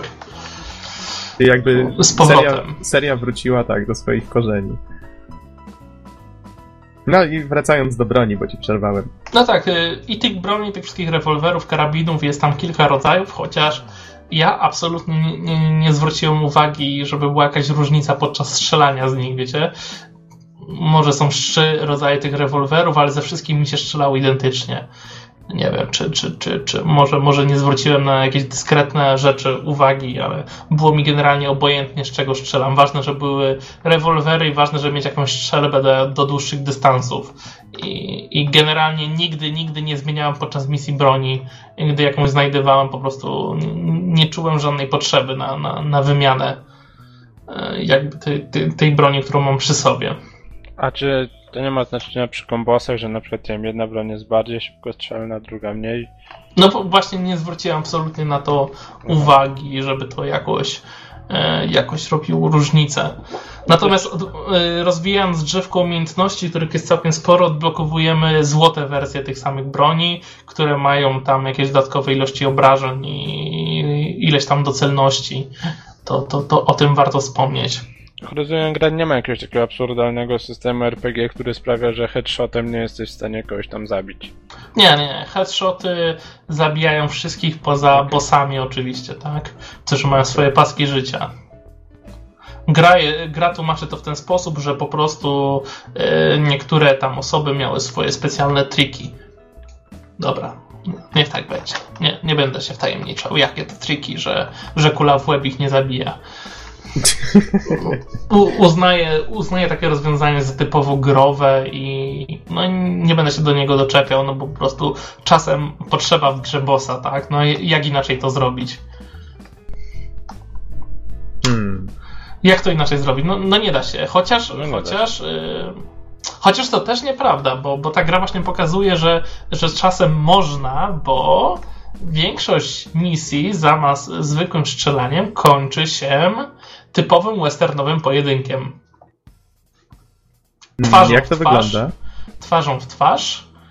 I, I tu jest to całkiem fajnie zrealizowane, chociaż powiem wam, że system jest dość trudny. Eee, Znaczy w samo południe i tak dalej? tak, to wygląda w ten sposób. Prawa gałka odpowiada za, za sterowanie takim kółkiem, którym namierzamy przeciwnika. Im dłużej utrzymujemy na przeciwniku to kółko, tym większa rośnie nam koncentracja na celu. Natomiast lewa gałka odpowiada za to, żeby utrzymać rękę jak najbliżej re rewolweru, co wpływa na naszą szybkość wyciągnięcia broni. Do tego dochodzą czasem pojedynki, gdzie strzelamy się z więcej niż jedną osobą, więc przyciskami LB i RB przełączamy się między celami w międzyczasie. Bo nie wiadomo, kto będzie strzelał do nas, a kto, kto do siebie. Wiecie o co chodzi. Więc system jest, mimo że jest dość teoretycznie prosty, w praktyce jest dość wymagający. Tym bardziej, że gra dodatkowo ocenia to, czy zabiliśmy kogoś honorowo. Zabicie honorowo polega na tym, że osoba, do której strzelamy, musi wyciągnąć pierwsza broń. Co, co, co, co generalnie daje tej osobie sporo czasu, żeby nas po prostu zabić, tak? A celowanie jakby po wyciągnięciu broni nie jest takie, takie łatwe, tylko ten, ten, ten, ten, ten jakby celownik nam strasznie ucieka po ekranie. Więc, więc trzeba naprawdę się sprężyć, żeby, żeby zabić kogoś honorowo i nie dostać samemu kulki w międzyczasie. Fajnie. Nie, to, to jest fajny dodatek tak. i, i, dobrze, dobrze że, że, generalnie jest to, e, jest to zawarte w grze. E, zapomniałem wspomnieć o jeszcze jednej fajnej, specjalnej umiejętności. Poza tym spowolnieniem czasu i podświetleniem przeciwniku e, mamy coś takiego, mm, taki wskaźnik takiej czaszki z kościami, który kiedy jest naładowany, to pozwala nam uniknąć kuli, która by miała nas zabić. Czyli jeżeli nasz, nasze życie jest już na wyczerpaniu, wiecie, ekran czerwony dookoła, bo tutaj życie odnawia się samo, to i byśmy mieli zginąć, to w tym momencie, kiedy zostaje wystrzeliwana do nas kula, która by miała nas zabić, to wtedy zwalnia czas, widzimy jak ta kula leci i możemy zrobić unik przed tą kulą. I wtedy nam się życie odnawia e, całe automatycznie i możemy strzelać dalej. No tylko, że tak jak mówię, to jest wskaźnik, który się musi naładować, więc e, nie można robić tego przez cały czas. Ale jest to fajny bajer i wygląda bardzo efektownie. Trochę jak z Maxa Payne'a, nie? Trójki, nie wiem czy... Nie, nie, ja nie grałem. Tam też było, że jak padliśmy, mieliśmy jeszcze przy sobie tabletki przeciwbólowe, czyli też takie jakby ograniczenie i kogoś zabiliśmy w tym ostatnim momencie, kiedy już leżeli, kiedy już padaliśmy umierający, to, to Max przeżywał, tak? No to tu, tutaj, tutaj po prostu trzeba uniknąć tego lecącego w nas y, pocisku. Fajnie wyglądają jak lecą mm, pociski z, z, z strzelby, która wyrzuca kilkanaście tych takich małych kulek. I wtedy jak zwalnia czas i widać te kulki jak tak lecą. Strasznie, strasznie ładny efekt. Y, muszę, muszę przyznać. Jeszcze, jeszcze o scenariach, które zwiedzamy. Poza typowymi takimi miasteczkami y, westernowymi, to są jakieś tam kaniony oraz y, przeróżne lasy. Wszystko, wszystko w fajnej stylistyce. Naprawdę graficznie jest gra wykonana super. A do tego, do tego bardzo klimatyczne przerywniki, y, takie rysowane, które właśnie dzieją się w barze. Cała oprawa, no zdecydowanie na plus. Mhm. Jakieś pytania? Ogólnie to się kreuje tutaj taki obraz takiej gierki, którą warto popykać, bo ma, tak jak wspomniałeś na początku, fajną narrację, taką troszeczkę e, luźną, ładną oprawę i no jest do czego postrzelać. Ale tak się zastanawiam, czy na przykład fabularnie to faktycznie oprócz tego, że tutaj no, duży plus widzę w tym, że jest tu sporo humoru, jak rozumiem. Ale nie wiem, czy jakby fabularnie coś poza tym gra sobą reprezentuje, czy raczej... Nie, fabu fabularnie jest ba bardzo fajnie, nie będę nic, nic absolutnie zdradzał z tej fabuły, ale Aha. pełna rekomendacja. E, fabuła jest naprawdę pełna zwrotów akcji i no i trzyma cały czas poziom aż do końca gry, więc. Czyli warto zagrać w tę grę po to, żeby poznać fabułę chociażby. Oczywiście, zdecydowanie A, no tak. Super. Zdecydowanie tak, mimo że gra jakby w pewnym momencie tak pośrodku przedłuża, bo zamiast opowiadać głównego wątku, opowiada o tym, jak to byliśmy przez jakiś czas łowcą nagród. Mhm. Ale to wszystko cały czas mimo wszystko trzyma się kupy, więc naprawdę, naprawdę super. E, jeszcze, jeszcze o kilku elementach, które przedłużają jakby obcowanie z grom. Poza tym, że odblokowuje nam się ostatni najwyższy poziom trudności po, po zakończeniu gry, to jest e, New Game Plus, który pozwala przejść grę jeszcze raz już z umiejętnościami, które zdobyliśmy wcześniej. Czyli, czyli mamy postać na tym samym levelu, na którym mieliśmy kończąc poprzednią sesję z grom. E, w świecie gry są poukrywane także różne e, ziarna prawdy, tak nazywane, czyli, tam, e, czyli tak, takie typowe znajdźki, które tam mają swoje opisy. To są takie ciekawostki z, ze świata gry i generalnie historyczne również. A żeby tego było mało, gra ma jeszcze dwa tryby rozgrywki. To znaczy, jaki jest ten drugi? Jeszcze dwa dodatkowe. A, dwa dodatkowe. No. Na czym polegają? Jest tryb akcji. Tryb akcji to są specjalnie przygotowane plansze. Yy, Jest ich, nie liczyłem, ale tak na oko tak około 12 dodatkowych plansz, które polegają na tym, że trzeba po prostu przechodzić planszę, wbijając jak najwięcej punktów. Yy, Tak, za, za zabijanie przeciwników, czyli jak największe komba i tak dalej, i trzeba przed, przeżyć do końca, do końca planszy i zebrać jak najwięcej punktów. I to jest oceniane na gwiazdki. To jest taka dodatkowa rzecz, która też na pewno starczy na kilka ładnych godzin, zdecydowanie. A na zakończenie jest tryb pojedynków. Tryb pojedynków to tak naprawdę są wszystkie pojedynki, albo nawet więcej z fabuły, bo nie udało mi się przejść całego. Eee, I mamy 5 żyć i musimy pokonać wszystkich przeciwników, którzy tam są. Eee, I to są właśnie te pojedynki w tym stylu, takie jeden na jednego. Co, no to, to też zdecydowanie wydłuża jakby możliwość obcowania z grą, która sama w sobie powiem wam, że jest do, dość długa. Mi zajęło ładne kilka godzin przejście tego trybu fabularnego. Ja mam jeszcze takie jedno pytanie, no bo w sumie gra sporo oferuje, a ona z tego się orientuje jest dość tania, ile tam teraz kosztuje? Y, Ja zakupiłem za 35 zł promocji na Xbox Live. Bo to jest w ogóle Xbox Live Arcade, tak? Y, Oraz oczywiście jest też wersja na PC, ta pewnie również na PlayStation.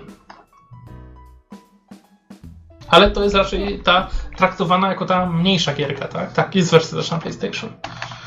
Więc ona jest dość tania. Więc za tą cenę, czy może poczekamy na podsumowanie, ale brzmi na, na oferującą sporo w stosunku do ceny. No, zdecydowanie. Gra jest po prostu przepchana kontentem, yy, zawartością, a szczerze mówiąc, po prostu powinna być dużą pudełkową grą i nikt by się nie obraził. Zdecydowanie. Zdecydowanie ta gra by mogła być normalną pudełkową grą wartą, wiecie, te, te 280 zł. Czyli ona wyszła tylko w dystrybucji cyfrowej? tak. Aha. Znaczy, możliwe, że jest jakieś pudełkowe na PC wydanie, bo to czasem się zdarza, ale nie, nie jestem w stanie tego potwierdzić. Okej. Słyszałem w każdym razie, że odniosła całkiem spory sukces. No, biorąc pod uwagę przedział cenowy. No, to- przy, wszyscy, którzy grali, mm, osoby, które znam, no, no, chwalą sobie ten tytuł, więc Aha.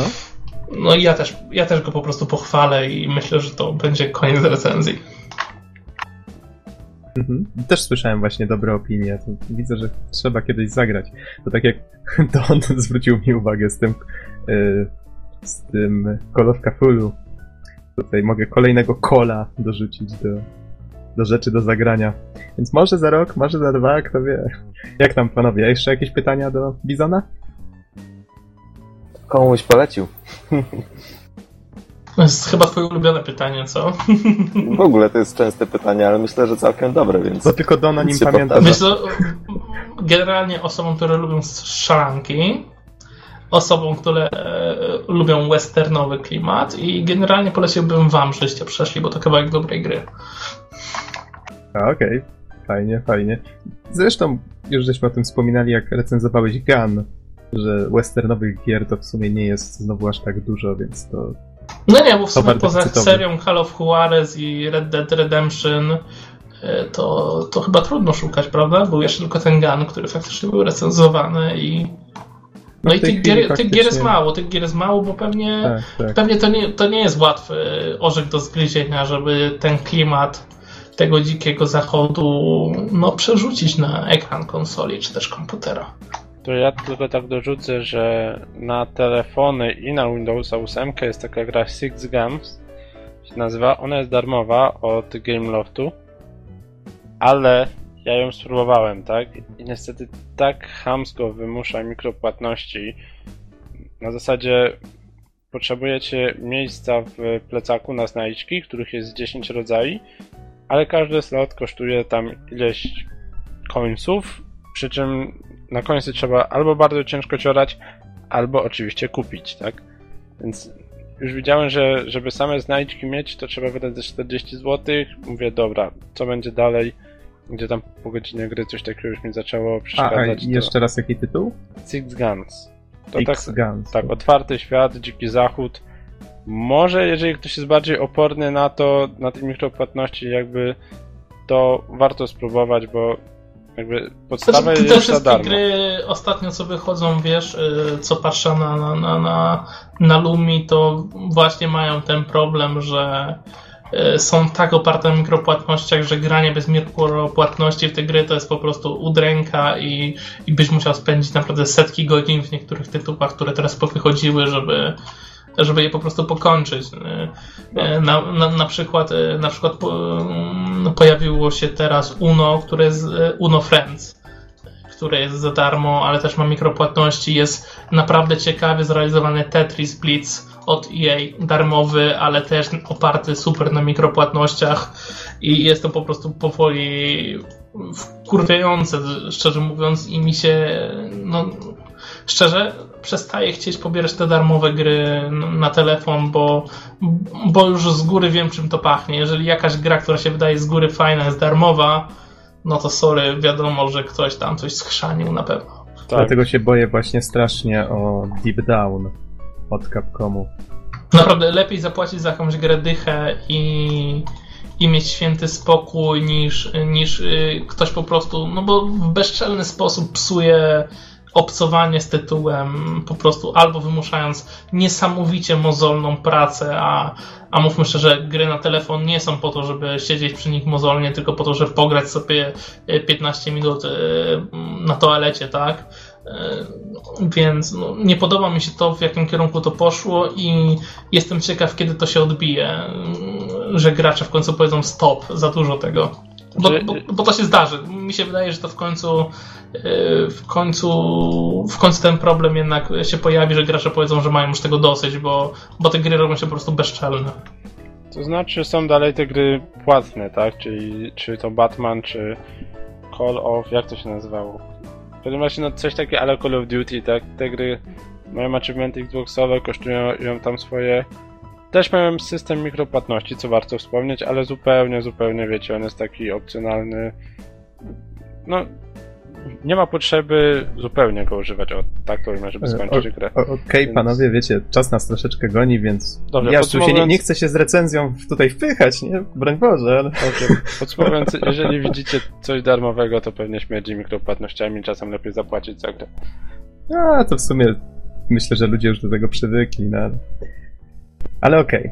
Ale nie, na, naprawdę, no, po prostu ostatnio jest wysyp. Wysyp Mhm. y, tych tytułów i trzeba uważać. No to ja wam opowiem w takim razie o grze, którą można dostać, bo ja wiem, chyba za 50 zł? Nie Normalne pieniądze. pewien. Za normalne pieniądze. Nie, nie jestem pewien co do ceny, nie chcę tutaj skłamać. Ja w każdym razie e, grałem w wersję z plusa, bo Katrin była dostępna, albo jest nadal dostępna właśnie w plusie. I no właśnie, czym ta gra właściwie jest? Ona wyszła w, widzę w Japonii w lutym 2011, z kolei do nas dość długo szła. W Stanach zawitała w lipcu 2011, a w Europie dopiero w lutym 2012, więc trochę to jednak zajęło. Ale w sumie cieszę się, że, że jednak do nas dotarła. Na pewno widzieliście jakieś zwiastuny. Pamiętam, że nawet żeśmy mówili chyba o, o tej grze od czasu do czasu na podcaście. Tak, tak, ja pamiętam, że wspominaliśmy o tej grze.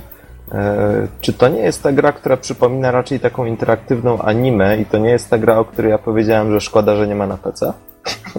Y, Bardzo możliwe, tak, bo gra wyszła tylko na PS3, na Xboxa 360 i tak, przypomina anime, bo grafika jest tak troszeczkę zrealizowana dwojako. Z jednej strony mamy tutaj wstawki animowane, które wyglądają dosłownie jak anime, to, to jest anime, no mówiąc krócej. Y, I mamy wstawki 3D, które są stylizowane na anime, czyli one są troszeczkę podobne, ale to wszystko bardzo fajnie kreskówkowo wygląda i myślę, że całkiem fajnie to wszystko się ze sobą łączy. Z kolei, no właśnie, czym ta gra właściwie jest, bo po tych materiałach, po tych zwiastunach, no widać, że to niby jakiś romans, niby jakiś horror, no tak, tak w sumie Niby jakieś porno. Niby jakieś porno, tak, w sumie też można od, odnieść takie wrażenie. Niektórzy nawet widziałem na YouTubie komentarze, ludzie się pytają, czy to jest hentai. Autentycznie się pytają, czy to jest po prostu rysowana pornografia, nie? No i nie dziwię się dlatego, że okładka wygląda jakoś tak dziwnie, prawda? Tak, tak, no więc tak jak już tutaj żeśmy wcześniej mówili, cyckami oczywiście można sprzedać niejedną rzecz, ale myślę, że gra ma do zaoferowania też e, nie tylko okładkę, więc nie oceniajmy ją po okładce. Gra jest, co ciekawe, zręcznościowym, e, zręcznościową łamigłówką, zręcznościową grą logiczną. To jest... jest... po prostu jest strzelanką i strzelamy do owiec. Mam wrażenie, że twórcy wpadli na pomysł, jak zrobić grę logiczną, taką zręcznościową i pomyśleli, kurczę, ale to się chyba nie sprzeda. Jak to zrobić, żeby to było, nie wiem, atrakcyjne? I zaczęli kombinować i dorobili do tego strasznie fajną historię i właściwie to, co tą grę wyróżnia, to jest design. Tutaj wszyscy gra dzięki temu jest charakterystyczna, jedyna w swoim rodzaju. Hmm, bohaterem, a może jeszcze nawet, nim przejdę nawet do bohatera i do historii, to to może powiem e, o, tym, jak właściwie gra, jak włączamy grę i widzimy menu, to widzimy głównego bohatera Vincenta przypiętego drutem kolczastym do jakiejś wieży, na niej siedzi kobieta i narrator czyta nam opcje w menu, w których na przykład nowa gra to jest wciel się w naszego udręczonego bohatera i poprowadź go ku wolności. Ja tak patrzę na ekran. Oh my god. to już oznacza, że mogę się spodziewać czegoś naprawdę nietypowego. I właściwie później, jeszcze nim zaczniemy rozgrywkę, widzimy Midnight Venus Trish, tak się bodajże nazywała, która prowadzi jakiś show. Chyba się Golden Playhouse tak się nazywał. I to był e, w ten sposób zaczyna się. Panowie, słyszycie mnie? Bo widzę, że tu sygnalizujecie jakieś problemy. Tak, tak, wszystko już w porządku, spokojnie. Tak? Okej, okay, dobra. Właśnie ta prezenterka prowadzi program Golden e, Playhouse i mówi, że teraz poznacie historię Vincenta. To tak jakby zapowiada program telewizyjny. I to, to właściwie to wszystko buduje jakiś taki dziwny, troszeczkę psychodeliczny klimat. Człowiek nie wie do końca czego się spodziewać. I kiedy już w końcu gra przeszła do rzeczy, że tak to ujmę, to okazało się, że bohaterem całej historii jest Vincent. Vincent jest właściwie takim typowym facetem, który niedawno skończył trzydziestkę, no, ma dziewczynę, spotyka się z nią od kilku lat ma kumpli, z którymi spotyka się w barze co wieczór i to właściwie no, taki sobie spokojny żywot Typowo. prowadzi. No, spokojny żywot sobie prowadzi. No i nagle, hmm, ni stąd, ni zowąd jego dziewczyna stwierdza, że chyba wypadałoby się, nie wiem, no wiesz, Vincent, może wypadałoby, żebyśmy się pobrali czy coś i tak nagle jakby coś się łamie w tym Vincencie i tak zaczyna chodzić taki, wiecie, trochę, trochę jakby czuję się wstrząśnięty tym, tym, tym pomysłem właśnie e, mm, Orzenku. To jest jakby tutaj coś, co napędza całą tą historię, czyli właśnie strach tego Vincenta przed, e, przed e, odpowiedzialnością. I no, żeby tutaj oczywiście nie wyszło, że to wszystko jest takie banalne. Y, tego samego dnia, kiedy oczywiście postanawia, że będzie pił na umór w barze, przysiada się do niego piękna dziewczyna, która nazywa się o dziwo tak samo jakiego, jakiego właśnie y, dziewczyna. Jedna się nazywa Katrin przez K, a druga Katrin przez C, żeby dało się je jakoś odróżnić. No i wszystko kończy się w łóżku i w ten sposób nasz bohater y, zostaje rozdarty niejako właśnie między tymi dwoma kobietami. Żeby nie było, że to jest wszystko takie zwyczajne, nie, to jeszcze nie koniec, bo to w końcu Japończycy, więc musi być dziwacznie. E, bohatera zaczynają męczyć dziwne koszmary. I okazuje się, że nie tylko jego. Wszystkich mężczyzn, którzy w jego otoczeniu się z, znajdują, zaczyna dręczyć ten sam koszmar, w którym jeżeli się spadnie, to człowiek nie budzi się przed uderzeniem w ziemię, tylko spada i się zabija i ginie we śnie. Więc mamy tutaj też taki wątek trochę paranormalny i, i też właśnie te kolejne osoby giną i o tym można tam słuchać właśnie w grze, w tym barze w wiadomościach, bo jest telewizor. Y, I mamy tutaj właśnie jeszcze taki wątek mówiący, taka plotka właściwie głosząca, że te osoby, które trafiają do tego dziwnego koszmaru, to są ludzie, którzy e, zdradzają właśnie swoje ukochane osoby. I tutaj jakby wszystko się zaczyna zacieśniać. Bohater zaczyna oczywiście panikować, nie ma zielonego pojęcia, co się dzieje. Z kumplami boi się troszeczkę o tym gadać. No i tak, tak, tak to wszystko się kręci troszeczkę. Nie chcę z jednej strony powiedzieć dziewczynie, że, e, że spał z inną, z drugiej strony Katrinta przez C, właśnie ta jego kochanka, stwierdza, że e, jeżeli kiedykolwiek ją zdradzi, to go zabije. No i tutaj wiecie, wszystko prowadzi do tego, że... Jak rozumiem, to jest początek, to jeszcze nie są spoilery. Nie, to jest sam początek, to wszystko O. jest właśnie... tak, dokładnie, potem jest jeszcze ciekawiej. Więc to, wszystko, co tutaj powiedziałem, jest tego dość sporo, ale mniej więcej tak mogę y, całą historię tutaj zawiązać na tyle, na, na ile mogę was za, zaciekawić. Gameplay natomiast jest podzielony na dwa, dwie jakby sfery, bo mamy tutaj mamy tutaj momenty, które dzieją się właśnie w tym barze. Bar się swoją drogą nazywa e, Stray Sheep, czyli e, zbłąkana owieczka, czy zbłąkane owieczki, e, co pasuje idealnie, zaraz się przekonacie, do, tej, do tego koszmaru. I chyba właściwie mogę zacząć od koszmaru opowiadać część gameplayową, bo ona jest najważniejsza. W koszmarze świat wygląda w ten sposób, że mamy jakieś otoczenie i w nim stoi wieża złożona z sześcianów. Te sześciany mają mm, różne, w różny sposób wyglądają, ale ogólnie rzecz biorąc jest to wieża, po której musimy się wspinać. Taki jest główny motyw, że bohater e, musi z poduszką pod pachą, w swoich slipach i z rogami na, na, na głowie, musi wspinać się w tym swoim dziwacznym koszmarze e, na tą wieżę i dotrzeć do drzwi, które są na samej górze. I każdy, każda noc, bo tutaj musimy przeżyć e, tak troszeczkę ponad tydzień w całej grze, każda noc jest podzielona na kilka właśnie takich wież, które musimy przejść w całości, a pod koniec przejścia takiej łamigłówki dostajemy jakąś tam punktację, jakieś trofeum brązowe, srebrne, złote. One tam później mają wpływ na różne rzeczy. Więc to jest jakby ta część gameplayowa. Z kolei pomiędzy jeszcze tymi wieżami spotykamy się z innymi osobami uwięzionymi w tym koszmarze i się okazuje, że te osoby to owce.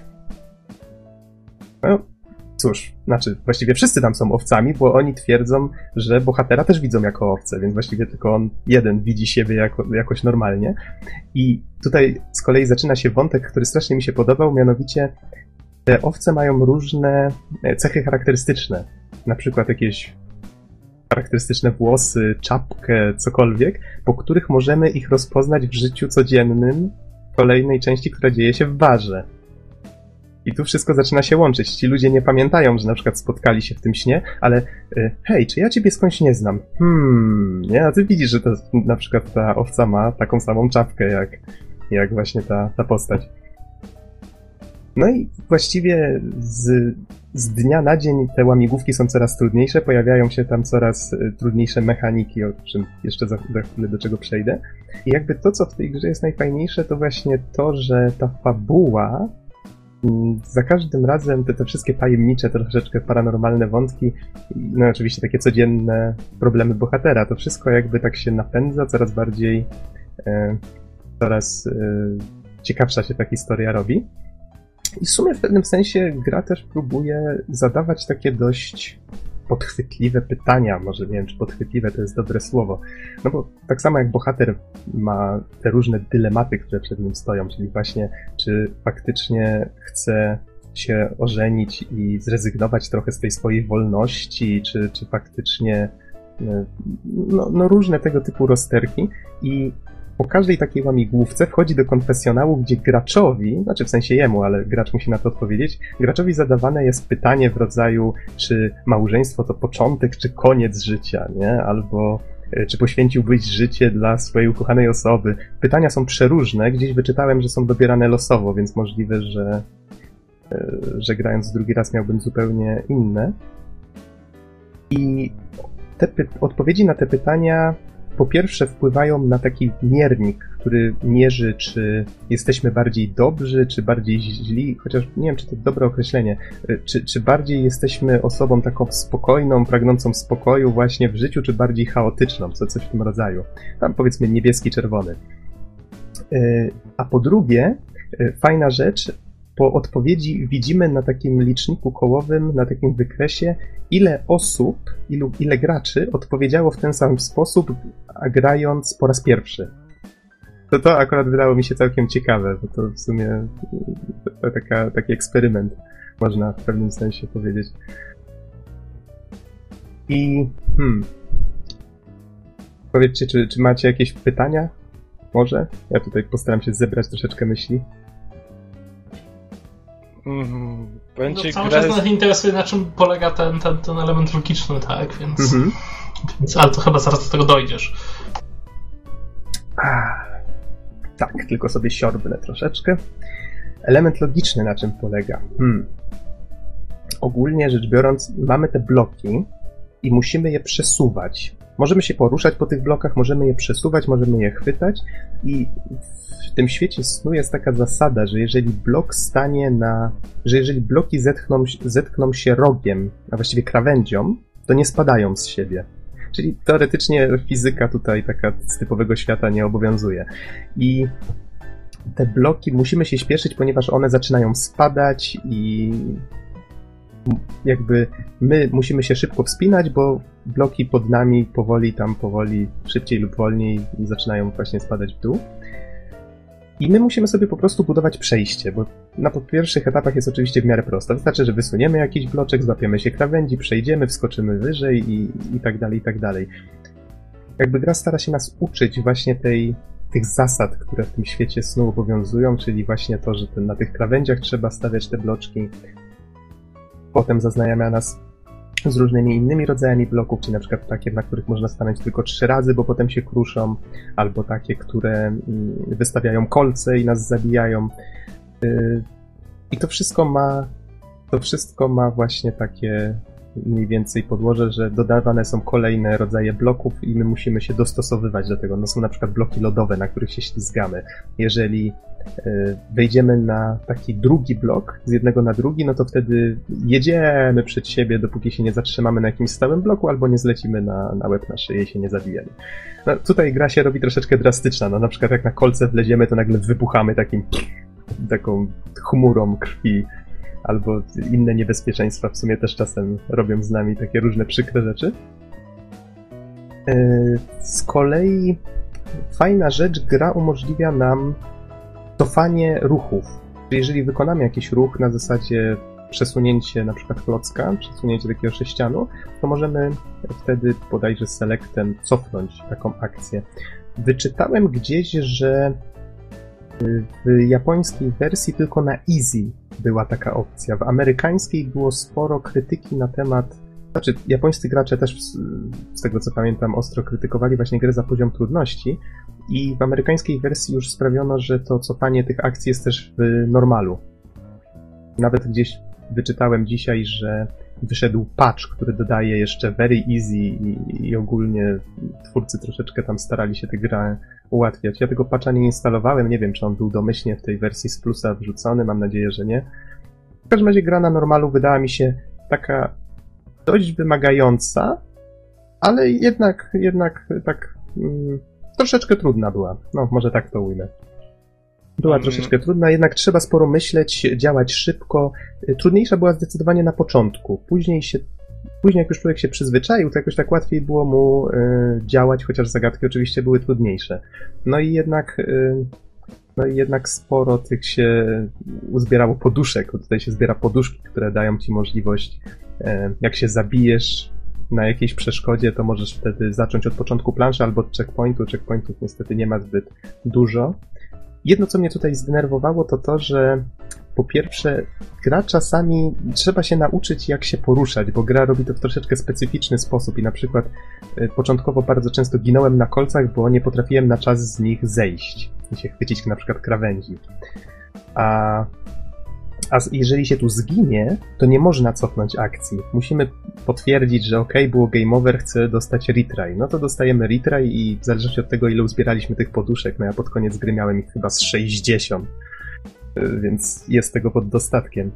Ale mm, jeżeli faktycznie zginiemy, no to mogiła, więc lepiej korzystać właśnie z tego cofania akcji, jeżeli wiemy, że zaraz możemy być w niebezpieczeństwie, niż y, faktycznie się gdzieś tam wpakować gdzieś i zlecieć nawet na szyi. To myślę, że to jest taka troszeczkę kwestia to można by było dopracować, no bo w sumie dlaczego by nie dać graczowi możliwości cofnięcia, prawda, tej akcji też śmiertelnej. No ale to już pomijając ten fakt. Więc to jest jakby ta część gameplayowa. To jest po prostu wchodzenie na wieżę, które im dłużej gramy, im dalej jesteśmy, tym jest trudniejsze. Po prostu ciężej znaleźć drogę na górę, yy, ciężej jest wymyślić właśnie sposób, w jaki sposób te bloki poprzestawiać, żeby udało nam się szkrabać, a potem są jeszcze takie przeszkody, jak przeciwnicy, którzy mogą nas spychać, jak właśnie te kolce, o których wspomniałem, jak bossowie, bo na końcu każdej nocy musimy pokonać, um, znaczy pokonać to duże słowo, musimy unikać tego bossa, uciekać przed nim właśnie do tych drzwi, które wychodzą z koszmaru. I ci bossowie, no tu się zaczyna troszeczkę jazda, bo to, to jest taka ostra psychodelka. To są odzwierciedlenia e, strachów właśnie Vincenta, czyli to tak jak on się boi tej odpowiedzialności, jak on się boi mm, no chociażby ojcostwa, bo później jak się okazuje jego dziewczyna jest w ciąży, co jakby jest kolejnym kolejnym motywatorem tutaj, który e, jakby kieruje go tutaj, dodaje do tych rozterek, o, że tak to ujmę i, i w jednym śnie na przykład goni go olbrzymi noworodek. Wrzeszczący tat, wrzeszczący tato, tato, a ty odejdź, nie jesteś, nie jestem twoim ojcem, nie? I to wszystko przy takiej zwariowanej muzyce, po prostu jedna wielka psychodela. Bizon, coś dla ciebie. Mój Boże. Sorry, sorry za ten żart. Myślę, Bizonie, że mógłbyś w tę grę zagrać, jest naprawdę mm, pokręcona żeby nie użyć tutaj bardziej dosadnego zdania. Ale, żeby tutaj, bo tutaj się rozgadałem o tej części właśnie e, gameplayowej w, w tych łamigłówkach, a myślę, że tutaj równie fajną, jak nie fajniejszą jest właśnie to, co się dzieje. Tutaj w sumie gra tak fajnie szafuje tym, że właśnie mamy najpierw ten sen, a potem mamy tą część fabularną. Czyli jak już przejdziemy faktycznie te łamigłówki, dostajemy w nagrodę długi, zazwyczaj dość długi właśnie filmik, jakiś anime, potem właśnie jakąś scenkę w 3D, gdzie właśnie ci przyjaciele rozmawiają. Dialogi są bardzo fajnie mm, i napisane, i nagrane. Faktycznie słucha się tego świetnie. Mamy z, dość różnorodny zestaw tych postaci. To faktycznie są mm, takie postacie, no nie, mamy tam y, jakiegoś takiego przyjaciela Vincenta, który jest już po rozwodzie i który faktycznie podejście do związków damsko-męskich to ma dość takie negatywne. Mamy gościa, który jest takim przystojniakiem, ale singlem, który jeszcze nie znalazł swojej lepszej połówki. Mamy takiego dzieciaka, który właściwie e, chyba najmłodszy z całej tej grupy który podrywa kelnerkę w tym, tym barze. No i właśnie ta kelnerka, która też jest przyjaciółką właśnie całej tej grupy, która jest jakby takim głosem rozsądku kobiecym właśnie w tych ich rozmowach i ona zazwyczaj się tam im wtrąca i, i, i też właśnie ma coś ciekawego do powiedzenia. To wszy, wszystkie te postacie zawsze mówią o e, na podstawie właśnie tego swojego charakteru i faktycznie człowiek jest w stanie uwierzyć, że taka postać powiedziałaby coś, coś w tym rodzaju. Jedynie Vincent przez całą grę sprawia wrażenie takiego gościa, który właściwie do końca nie wiadomo, czego on chce od życia, ale być może właśnie o to twórcom chodziło, żeby to gracz żeby to gracz jakby zapełnił to miejsce, żeby te decyzje, te odpowiedzi na pytania i inne tego typu rzeczy, żeby to gracz właśnie zdecydował za Vincenta, y, którą drogą on chce właściwie pójść. Czy, czy bardziej właśnie w stronę w stronę właśnie dziewczyny, w stronę kochanki, czy może w ogóle w stronę wolności, czy jak to nazwać. Jeszcze taki fajny motyw, o którym nie wspomniałem, znaczy po części wspomniałem, czyli właśnie te postacie, które spotyka się i we śnie, i w, w realu. Y, te postacie z czasem z czasem widzimy, że pojawiają się takie wątki na zasadzie, że one już się chcą poddać, że mówią, że już nie, nie wytrzymają tego dłużej. Y, I my możemy te postacie pocieszać, możemy z nimi rozmawiać, a to jest o tyle fajnie zrobione, że w tym barze czas leci. Czyli my możemy porozmawiać z kumplami, możemy powiedzmy wyjść do toalety, możemy zmienić muzykę w, w, w szafie grającej. Jest nawet taka automat z grom, która się nazywa bodajże Roszpunka od, od tej baśni z dziewczyną, która w wieży te, te, tym warkoczem księcia do, do, do wieży właśnie wciągała. I właściwie ta gra polega dokładnie na tym samym, chociaż jest taka w bardziej pixelartowym stylu zrobiona. I to jest zupełnie gra w grze. Tam chyba 64 poziomy są w tym, nie przechodziłem tego, ale słyszałem, że, że warto, bo tam też jakieś fabularne, fabularnych rzeczy można się dowiedzieć z tego. I ogólnie rzecz biorąc w tej grze jest mnóstwo takich drobiazgów. Właśnie oprócz takich rzeczy możemy się też e, możemy też porozmawiać z postaciami, które są w tym barze i to są właśnie między innymi te postacie, które możemy spotkać w tym śnie. Jest to, jest właśnie ta kelnerka, ci przyjaciele, jest y, boss, się tak nazywają, właściciela baru, który bez przerwy chodzi y, w białym garniturze, w okularach przeciwsłonecznych, taki, wiecie, amant w średnim wieku, czy właściwie podstarzały który rzuca różnymi tekstami na temat tego, jakie to y, małżeństwo jest takie i owakie, nie? Więc ogólnie rzecz biorąc, każda z tych postaci ma coś do powiedzenia na temat relacji damsko-męskich, no i myślę, że przede wszystkim o tym, o tym ta historia opowiada. A robi to w całkiem ciekawy sposób. Muszę przyznać, że, że twórcy fajnie podeszli do tematu. No, dość odważnego, jakby na to nie patrzeć, bo jakoś sobie nie przypominam drugiej gry, która by traktowała o takich tematach. Y, nie ma w tej grze, tutaj myślę, że powinienem to właśnie powiedzieć, nie ma w tej grze seksu jasno to warto podkreślić. Y, czy gra jest dla dzieci? Raczej nie, ale nie dlatego właśnie, że są tu jakieś tam szczególne sceny, takie, no nie wiem, erotyczne czy coś. Jest tu erotyka, owszem. Mówi się tu o seksie, o, o, pos, o, mm, o relacjach damsko-męskich, ale na takich zasadach, że myślę, że małe dzieci i tak by tego nie zrozumiały. Bardziej bym się bał właśnie o te takie psychodeliczne momenty, które i właśnie te drastyczne sceny w rodzaju, no nie wiem, że postać ci wybucha na tych kolcach, no tego typu rzeczy. Więc jest to taka, jak to Japończycy lubią, nietypowa mieszanka erotyki i, i brutalności. Hmm. No i tak jak wspomniałem, te postacie można, można mieć wpływ na to, czy te postacie przeżyją niektóre. Zakończeń w grze jest 8, czyli dość sporo. Jakoś się powstrzymałem przed tym, żeby pozostałe zobaczyć na YouTube, bo gra jest jednak dość fajna. Gra się fajnie i ta historia jest całkiem ciekawa. I trochę mnie korci, żeby faktycznie poświęcić na to w przyszłości może trochę czasu i spróbować te pozostałe zakończenia też obejrzeć. Y, no i co mi tutaj pozostaje? Nie wiem, czy o, o czymś pewnie zapomniałem, no ale czas już nas właściwie goni. Grę jak najbardziej polecam. Jak ktoś lubi właśnie takie zręcznościowe łamigłówki, to to jedno, no ale jeżeli ktoś po prostu chce poznać fajną, ciekawą historię, to jak najbardziej powinien zagrać.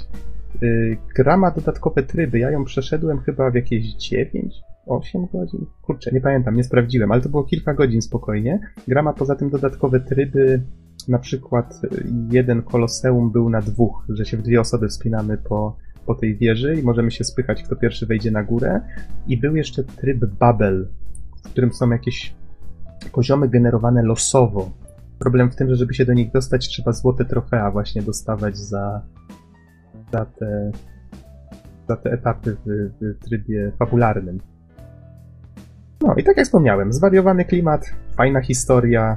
Jedyny minus, który mógłbym tutaj wymienić, to to, że faktycznie ta fabuła pod koniec troszeczkę traci rozpęd. Tak myślę w ostatnim, yy, w ostatnim stadium, że tak to ujmę, ale jak najbardziej gnała mnie do przodu i to był chyba główny powód, dla którego chciałem zobaczyć, jak ta gra się właściwie skończy. Myślę, że twórcy bardzo fajnie tutaj wykonali tą całą grę. No a to, że sprzedają ją cyckami na okładce, to wiecie, jakby zupełnie inna kwestia. Myślę, że zagrać jak najbardziej warto. Czy macie jakieś pytania? Mnie tylko gadam, przeraża, gadam gadam. Że, że, że ta gra wygląda na bardzo stresującą grę logiczną. Wydaje, możliwe, wydaje, mo... wydaje, mi się, że to jest dość duże tempo narzucane. E, Przynajmniej, możliwe... po tym, co widziałem przed chwilą. Aha. Możliwe, że dlatego właśnie spotkała się z taką krytyką, bo jak ktoś sobie nie radzi z tymi łamigłówkami, no to one go jednak mogą trochę zastopować, nie? Ale wydaje mi się, że na tych easy, czy tam te very easy, no wiadomo, że gra, jak ją pozbawisz wyzwania, no to też będzie trochę mniej emocjonująca, nie? Więc tutaj raczej nie polecam, ale ale jeżeli ktoś chce zagrać tylko dla historii, to, to myślę, że na easy może nastawić spokojnie i grać. Zresztą tak chyba właśnie ten narrator, który tutaj wszystko takim spokojnym, ale lekko wzniosłym głosem właśnie czyta te wszystkie opcje też tam określił, że to jest tryb właśnie jak chcesz się cieszyć historią i Katrin. Tutaj w sumie taka dwuznaczność, nie wiadomo o którą Katrin mu chodzi. No, jak tam panowie? Ja tu się nagadałem już troszeczkę, w gardle mi wyschło. Nie wiem, ja, ja, tak jak mówię, mam wrażenie, że bym zagrał, ale chyba bym się stresował grając w tą grę. Nie wiem, takie, takie mam odczucie. A tak to, tak to wygląda na, na, interesującą i na taką bardzo poważną tematykę. I, tak, i, tak. I, i takiej gier, gier jest mało, chociaż y, tą poważną tematykę dla mnie trochę psuje ta, ta, ta japońska stylistyka, no ale z drugiej Powiem strony ci, ma, ma swój urok. Aha. Ale powiem ci, że jak na taką japońską dziwaczność, to jednak twórcy potrafili to zbalansować. Jest w tej grze, tam gdzie ma być powaga, jest powaga i faktycznie te tematy poważne, które są w tej grze poruszane, one też są też są poruszone raczej tak mm, z wyczuciem. Może tak to ujmę. Więc myślę, że pod tym względem jak najbardziej gra jest ok. Znaczy, ja tylko tak od siebie dorzucę, że mm, grafika taka anim u nas w Europie kojarzy się na takim osobom, które nie są wtajemniczone, tak? Z, raczej z takimi bajkami w stylu, nie wiem, Pokémony Naruto, tak? Podczas gdy no, ja troszkę więcej tego oglądałem swojego czasu i tam przy pomocy anim Japończycy opowiadają naprawdę genialne historie o no, na przeróżne tematy, nie zupełnie często zupełnie nie fantazy, tylko takie realistyczne. No ja, i, ja nie mówię, że nie, ja po prostu no, no, ciężko mi jest zdzierżyć to. Nie wiem, no, co, coś mam takiego, co, co sprawia, że, że, że nie lubię tego typu stylistyki. No i tyle. No. Mhm. Ale myślę, że powinieneś spróbować. Mimo wszystko, wiesz, jest tu angielski dubbing, całkiem nieźle zrobiony. No, ja mam tyle gier do przejścia, zaraz nowa generacja, daj spokój mi jeszcze z jakimiś tytułami. Cieszę się, że mogłem posłuchać Twoich recenzji, ale no pewnie nie ma możliwości, żebym przeszedł wszystkie tytuły świata. Ja tylko powiem, że wiecie, tak jak Call of Duty wychodzi z roku na rok i dokładnie wiecie czym będą, tak tutaj Katrin, no cóż, to jest gra, która nawet jak wysłuchaliście recenzji, to może was nie jednym zaskoczyć, więc myślę, że po prostu warto. No. To jest jedna z tych gier, które właściwie próbują być inne i całkiem nieźle im to wychodzi. I to, to jest jakby. Ta gra nie jest dla każdego i to jest chyba jej największy plus. Takie gry, jakby na to nie patrzeć, są czasami bardziej wartościowe właśnie niż te tytuły AAA tworzone tak, żeby się wszystkim spodobać. No i to myślę, że, że tyle. Chyba, że Don ma jeszcze jakieś pytania, bo tak chyba usnął. Nie, nie, ja cały czas uważnie słucham, słucham.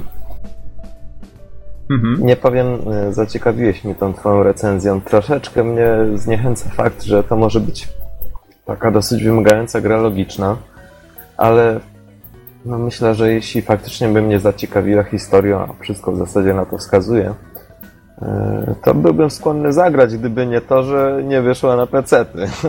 Myślę, że to jest największy, no tak. największy minus. Już na samym początku yy, mówiłem, że jest to minus, teraz też swoje zdanie podtrzymuję. Mhm. Okej, okay, rozumiem. To prawda, nie zapowiada się chyba, żeby wyszła na PC, ale rozumiem twój punkt widzenia. No dobrze, panowie, to co? Kończymy, bo w sumie trochę żeśmy z tym czasem dzisiaj, o, nie zapowiadało się, a proszę, jakbyśmy przekroczyliśmy nasz zwyczajowy czas.